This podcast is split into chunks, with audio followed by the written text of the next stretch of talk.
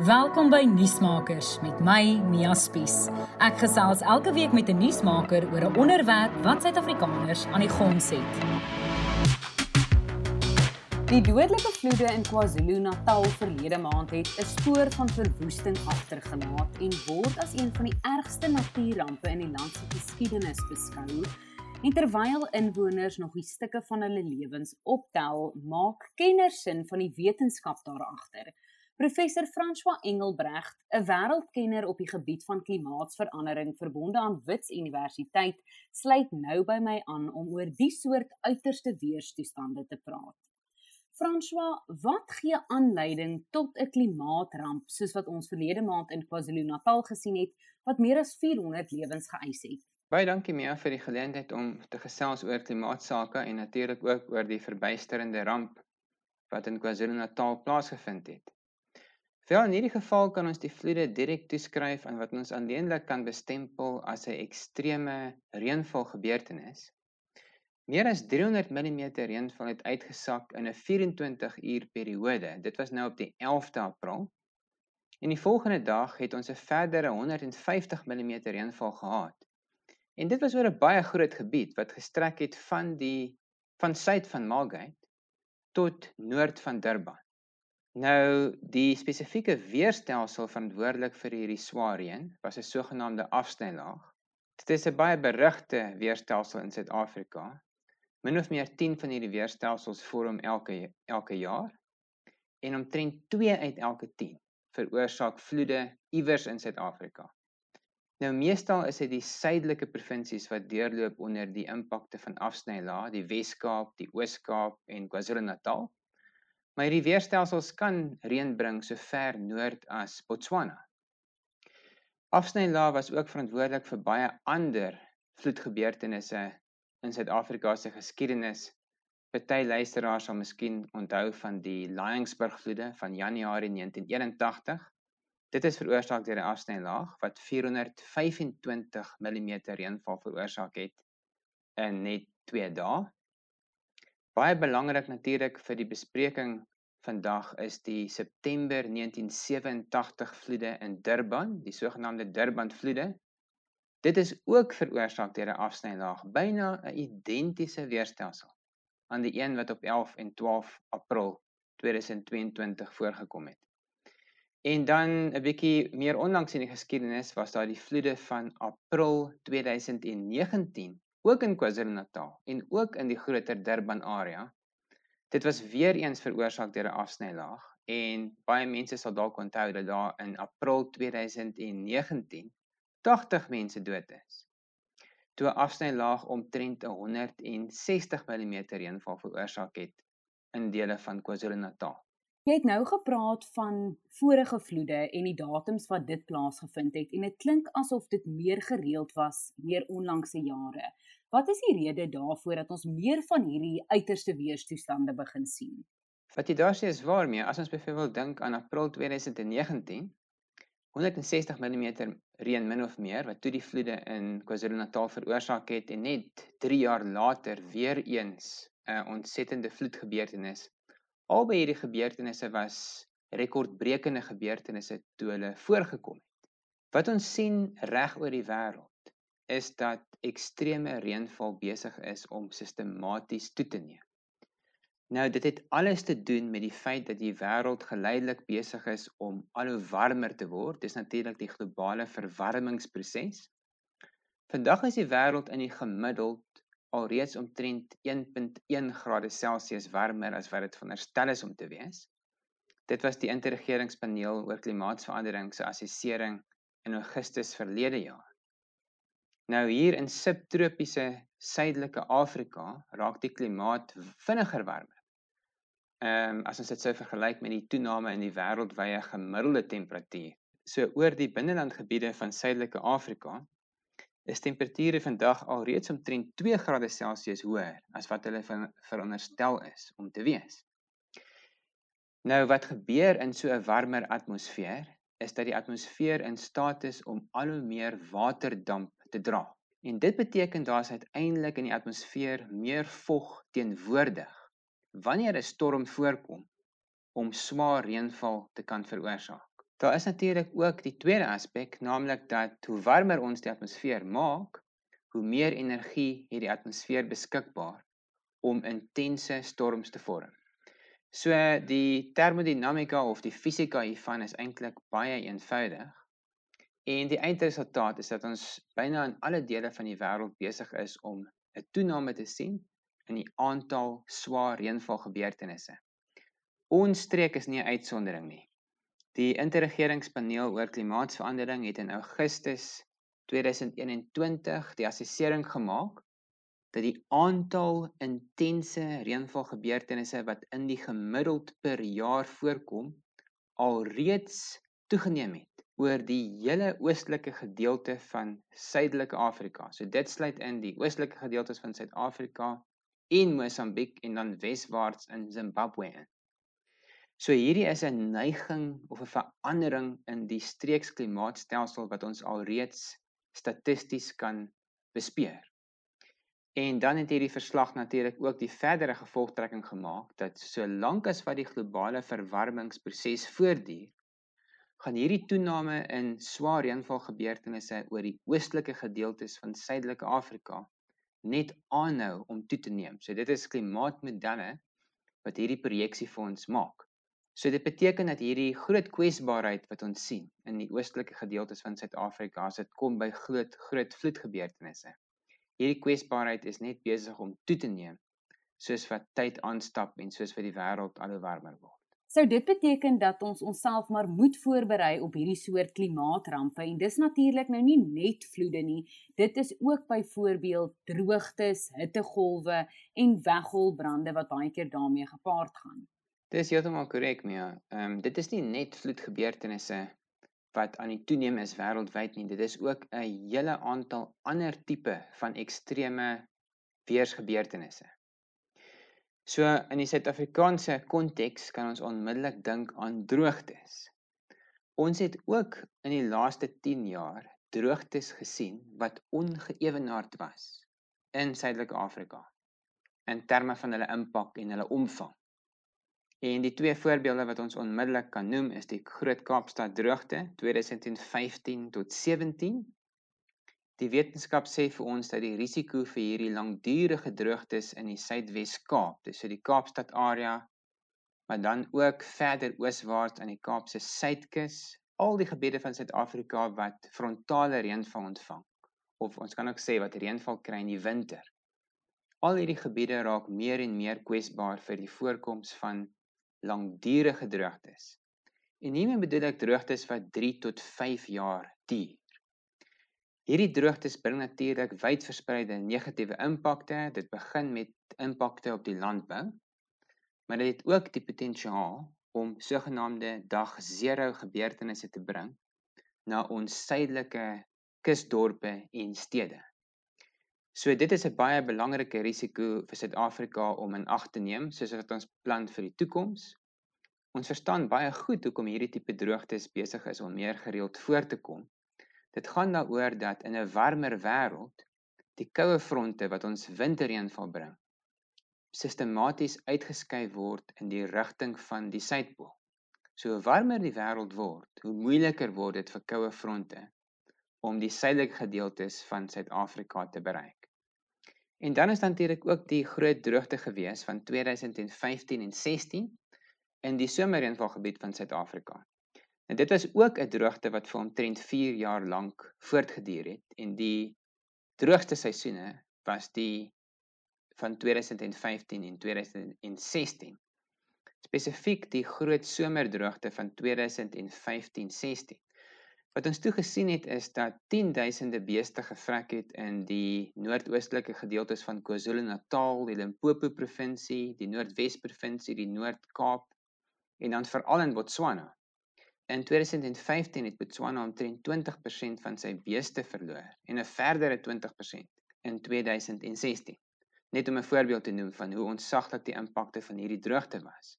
Nou in 'n warmer wêreld kan ons ook die meer gereelde voorkoms van droogtes verwag oor die binnelandgebiede van Suidelike Afrika. So dit gaan nie net oor die winterreënval nie. Die somerreënval word ook toenemend bedreig soos wat die wêreld al hoe warmer word. Nou die eindresultaat is dat ons besig is om af te stuur op 'n klimaatstelsel wat toenemend ekstreem gaan wees. So die landboukundiges wat dalk vandag luister, sal weet dat ons in ons streek 'n uh, bekende El Niño La Niña siklus het in reënval. Die La Niña jare is gewoonlik nat en die El Niño jare is gewoonlik droog. Nou in 'n stelsel wat toenemend warmer word, so deur die proses van klimaatsverandering, beteken dit net dat wanneer die La Niña jare voorkom, kan ons nog meer swaar reënval verwag as in die verlede. En wanneer die El Niño siklus heers, dan beteken dit ons kan verwag dat droogtes meer intens en meer lankdurig gaan wees as in die verlede. Die premier van KwaZulu-Natal, Sihle Zikalala, het juis um, verlede naweek tydens die begrafnis van van die vloedslagoffers gesê die provinsie gaan moet aanpas by aardverwarming. Byvoorbeeld met die onlangse vloede, mens kon nou nie uit die aard van die saak iets doen om dit te voorkom nie, maar met ander woorde, ons moet meer gerad wees in die toekoms om dit te kan hanteer en om seker te maak dat ontruimings vinniger kan gebeur. Ja, maar daar's twee aspekte waar ons met waaraan ons met aandag gee in KwaZulu-Natal. Die een aspek gaan oor die bestuur van vloede op die kort termyn. Ons het in Suid-Afrika byvoorbeeld geen tradisie om mense te ontruim uit die pad van aankomende ekstreme weersgebeurtenis nie. Nou in baie ander lande van die wêreld, byvoorbeeld as ons dink aan die FSA aan sy ooskus of in Japan, as 'n tropiese sikloon ehm um, as 'n tropiese sikloon op pad is na hierdie kusgebiede, word honderde duisende mense, baie keer is dit meer as 'n miljoen mense ontruim uit die pad van die vloede voordat die vloede voorkom. Dit is iets wat ons nog nooit op 'n groot skaal gedoen het in Suid-Afrika nie of in die groter Suider-Afrikaanse gebied nie en dit is iets wat ons bitter vinnig moet leer om te doen. Dan natuurlik is daar langer termyn ingrypings wat nodig is spesifiek in KwaZulu-Natal. Ehm um, ek sou sê ook vir ek sou sê ook in Mpumalanga en in die Limpopo provinsie. Oral waar ons nog duisende mense het wat leef onder die vloedlyn of wat in KwaZulu-Natal lewe langs hierdie steil heuwel helliks waar modderstortings voorkom. In al hierdie gebiede van Suid-Afrika moet ons op die langer termyn vir mense veiliger grond gee om te lewe. En ons behuisingsprogram moet eenvoudig net momentum kry. Onthou as 'n intense storm byvoorbeeld 'n informele huis tref met sterk winde, ons skryf van tyd tot tyd ook tornado's in die KwaZulu-Natal Midlande Ons kry weerlig. Informele huisvesting is eenvoudig net nie bestand teen hierdie impakte van intense storms nie. Wat nog te sê grootskaalse vloede soos wat ons gesien het op 11 en 12 April. So op die langtermyn gaan dit in, in KwaZulu-Natal daaroor om vir mense veilige grond te gee waar hulle kan lewe en om mense te help om in veiligere huisvesting te woon as die huidige informele huise wat ongelooflik kwesbaar is sit kom by weerlig sterk winde, blitsvloede en ook modderstortings. En dis natuurlik wat mens gesien het in daai geval van die Mdlalose gesin, uh ses gesinslede is oorlede, vier is nog vermis toe hulle huis deur hierdie vloede heeltemal meegesleer is. François, baie keer dink mens ook aan rampe soos aardbewings, tsunamies, vulkane en mens dink ook baie keer dit gaan gepaard met aardverwarming. Dit is nie die geval nie. Kan jy dalk vir ons net die onderskeid tref tussen hierdie verskeie rampe en of aardverwarming ook 'n impak daarop het en daai ekstreme um, rampe? Meer daar word soms beweringe gemaak dat klimaatsverandering ook 'n rol speel en in tektoniese onstabiliteite in die aardkors wat natuurlik op 'n fundamentele vlak verantwoordelik is vir die voorkoms van aardbewings en tsunamies en ook vulkane.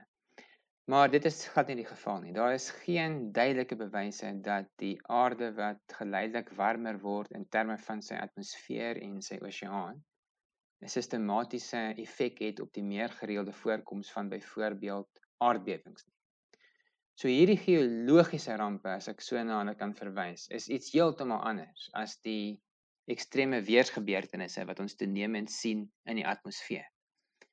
So as ons praat van klimaatsverandering en die ekstreme gebeurtenisse wat veroorsaak word deur klimaatsverandering, dan dink ons in terme van langdurige droogtes of meer intense droogtes.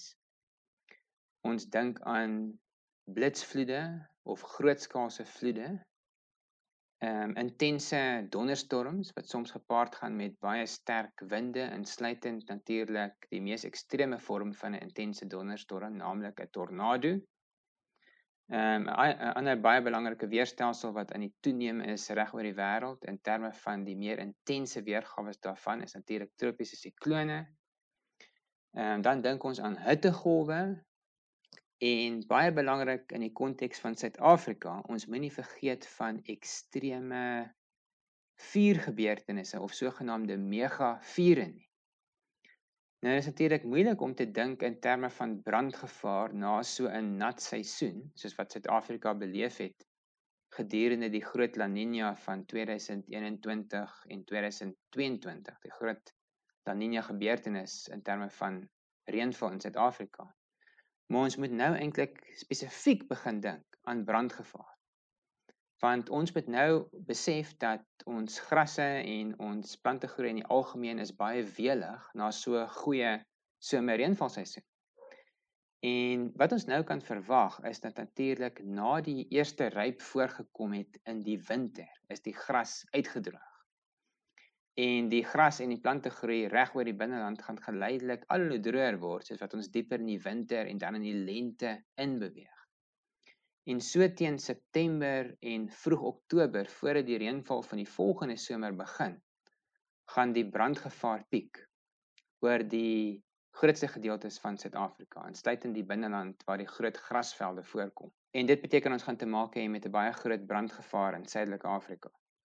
So dit beteken maar net weer eens, ehm um, klimaatsverandering is besig om hierdie tipe rampe meer intens te maak en meer gereeld te laat voorkom in die geval van brandgevaar gaan dit maar net daaroor dat temperature oor ons streek raak al hoe hoër en dit skep maar net meteorologies meer gunstige toestande vir groot veldbrande. Jy het nou nog gepraat van die interregeringspaneel oor klimaatsverandering wat 'n donker prentjie geskets het oor die gevolge van die verandering van die klimaat op die aarde. Ek dink baie keer as mens dink aardverwarming, dink jy aan hierdie foto's van uitgeteerde ysbere baie ver van ons af, maar soos ons nou gesien het, dit het 'n direkte impak op ons ook. Jy en jou kollegas is diep bekommerd na daai verslag. Wat is op die oomblik die grootste bedreiging en waarna kyk mens korttermyn en langtermyn? Vir globaal As 'n mens praat oor die impakte van klimaatsverandering, dan begin die gesprek dikwels by seevlakstyging. Die Parys-ooreenkoms oor klimaatsverandering is aanvanklik gesluit om die wêreld te beskerm teen 'n groot aantal verskillende tipes van ekstreme reënvalgebeurtenisse. Maar 'n baie belangrike deel van die gesprek in daardie stadium van die van die onderhandelings was seevlakstyging. Dit gaan daaroor dat die drempelwaarde waarby die groot ysplaat van Groenland onomkeerbaar kan begin smelt. Daardie drempelwaarde word gereken is iewers tussen 1.5 en 2 grade Celsius van globale verwarming. Nou, ons het vroeër in hierdie gesprek genoem dat die mens alreeds die aarde se temperatuur in die gemiddeld verhoog het met omtrent 1.1 grade Celsius. So ons is baie naby aan die drempelwaarde van 1.5 grade Celsius waar dit moontlik is dat die Groenland ysplaat onomkeerbaar gaan begin wegsmelt. Nou terselfdertyd is die Wes-Antarktiese ysplaat ook minder stabiel as die oostelike ysplate van Antarktika. Hierdie ysplaat word minder goed verstaan, maar daar's ook 'n moontlikheid dat hierdie ysplaat se onstabiliteitspunt sit iewers tussen 1.5 en 2 grade Celsius van globale verwarming. Nou hoekom is dit so belangrik as hierdie ysplate begin om onomkeerbaar weg te smelt? Wel, tussen hierdie twee ysplate kyk ons na omtrent 12 meter van seevlakstyging in die gemiddeld globaal. En dit is natuurlik genoeg om baie van die wêreld se groot kusstede te verswelg en onbewoonbaar te maak. Ek moet daarom uitwys, dit sal hierdie ysplate duisende jare neem om heeltemal weg te smelt. Maar in ons eie leeftyd sal dit 'n seevlakstygings beteken in die omgewing van 'n meter. Dis nou as ek dink aan vandag se kinders wat sal leef tot aan die einde van hierdie eeu en dalk 'n bietjie in die volgende eeu in. So dit is 'n uh, onsaglike seevlakstygging. Net 'n meter alleen is genoeg om honderde miljoene mense te verplaas van waar hulle vandag woon aan die wêreld se laagliggende kusgebiede. François, jy het vroeër gepraat van die korttermyn ingrypings wat nou moet gebeur. Wat is van die langer termyn ingrypings wat nou moet gebeur? Wel, die mensdom moet die klimaatsveranderingsproses in die eerste plek probeer omkeer. Ons verwys dan na as klimaatsingryping. En dit gaan daaroor dat al die nasies van die wêreld onder die Parys-ooreenkoms oor klimaatsverandering moet saamwerk om kweekhuisgasemissies die atmosfeer in te verminder. Die belangrikste kweekhuisgas wat besig is om toe te neem as gevolg van menslike aktiwiteite en spesifiek die verbranding van olie en steenkool, is natuurlik koolstofdioksied. En die wetenskap het bepaal wat ons moet doen as ons die globale verwarmingsproses eerstens wil verstadig en dan heeltemal wil stopsit. Dit gaan daaroor dat ons die vrystelling van kweekhuisgas emissies die atmosfeer in vir 'n begin koolstofdioksied emissies heeltemal moet stopsit oor die volgende 3 dekades. So as ons hierdie mees gevaarlike impakte van klimaatsverandering wil vermy, as ons dit wil regkry om die globale temperatuurtoename te beperk tot 'n hele entjie onder 2 grade Celsius, verkieslik onder 1.5 grade Celsius, sê die wetenskap vir ons eintlik baie duidelik wat ons moet doen. Eerstens moet ons koolstofdioksied emissies onmiddellik verminder. daarmee bedoel ek alreeds in die 2020s. Ons moet teen die jaar 2030 koolstofdioksied emissies alreeds min of meer gehalveer het. As ons die vlakke van 2030 sou vergelyk met vandag se vlakke van emissies. Dis natuurlik 'n ongelooflike groot uitdaging om binne minder as minder as 10 jaar ons koolstofdioksied emissies reg oor die wêreld in die gemiddeld te halveer. En selfs dit is nie genoeg nie. Dan moet ons oor die volgende 20 jaar koolstofdioksied emissies die atmosfeer in heeltemal elimineer. So dit beteken teen die jaar 2050 met die wêreld koolstofneutraal wees. Ons met sogenaamde net zero emissies behaal het in terme van koolstofdioksied. So dit beteken effektiewelik ons het minder as 30 jaar oor om reg oor die wêreld olie, steenkool en natuurlike gas heeltemal te elimineer as bronne van energie waarop ons reken as die lande van die wêreld. So effektiewelik beteken dit ons moet 'n revolusie sien oor die volgende 10 jaar en dan dit volvoer oor die volgende 20 jaar, so oor die volgende 30 jaar moet ons basies die wêreld se manier hoe energie opwek opgewek word heeltemal verander. En dit gaan hier in 'n groot mate oor die meer grootskaalse aanwending van hernubare energie, naamlik ehm um, sonkrag en windkrag aan die eerste plek. Dis die twee belangrikste bronne van hernubare energie. So teen 2050 moet ons leef in heeltemal 'n ander wêreld waar ons energie op 'n heeltemal ander manier ander manier opwek. As ons dit kan regkry, kan ons van die mees gevaarlike en die onomkeerbare impakte van klimaatsverandering voorkom.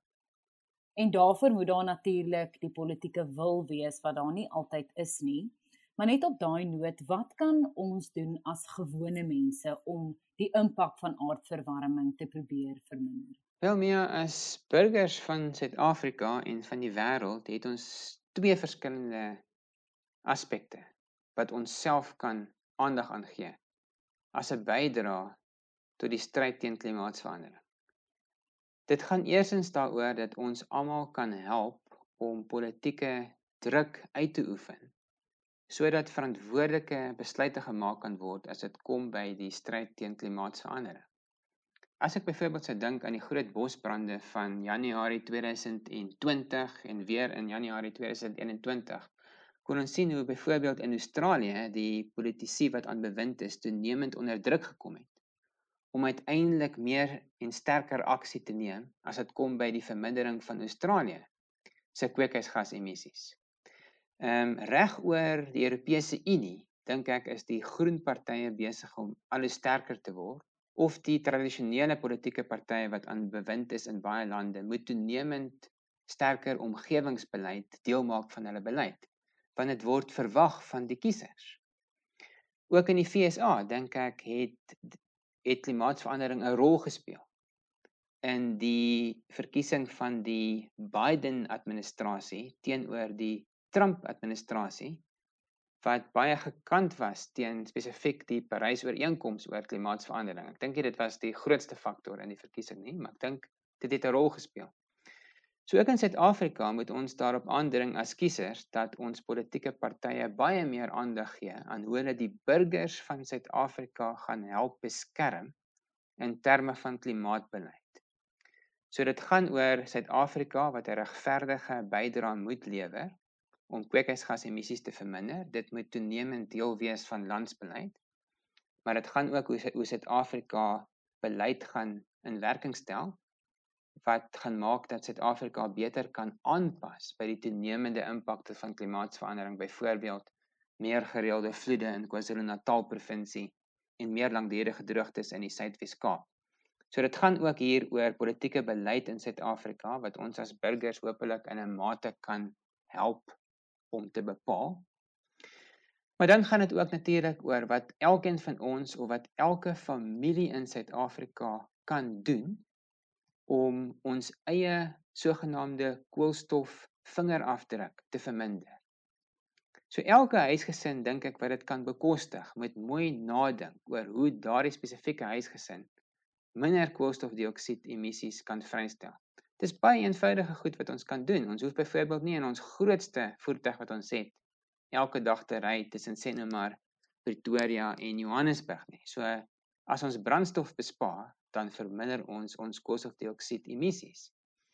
Daar's baie goeie voorbeelde van selfs armer gemeenskappe in Suid-Afrika wat begin het om hulle eie groente te verbou en wat heeltemal hulle nodigheid om lang afstande af te lê om byvoorbeeld groente by 'n mark te gaan koop, ehm uh, geëlimineer het en op daardie manier koolstofdioksied emissies verminder het.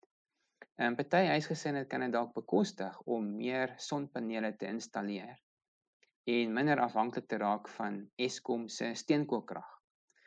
As elke huisgesin baie versigtig kyk na sy eie koolstof vingerafdruk, dan is daar baie baie voor die hand liggende veranderings wat ons kan maak binne in elke gesin en binne in elke individu se lewe. So net laastens, daar is nog 'n sprankie hoop om hierdie skip om te draai. Wat is jou boodskap aan mense wat nog steeds nie glo aan mensgemaakte aardverwarming nie? Nee, ek moet daarom sê, ek kom baie minder gereeld deesdae in aanraking met mense wat nog steeds die bewyse van die wetenskap heeltemal verwerp en wat ontken dat daar klimaatsverandering is. Ek dink dit is omdat mense deesdae net die televisie hoef aan te skakel. En dan sien hulle hierdie ekstreme weersgebeurtenisse. Nou sit in Japan, dan is dit in Europa, dan sit in China, dan sit in die FSA, dan is dit Australië, dan in ons eie land. So ek dink die ek dink mense kan toenemend met hulle eie oë sien dat ekstreme weersgebeurtenisse voorkom wat nooit in die verlede voorgekom het nie of dat gebeurtenisse al hoe meer gereeld begin voorkom. So ek dink die die wetenskap oor klimaatsverandering is baie goed ontwikkel en toenemend aanvaar mense die wetenskap en toenemend aanvaar politici ook die wetenskap. Nuusmakers met Mia Spies is 'n produksie in samewerking met die Potgooi Produksiehuis Volume.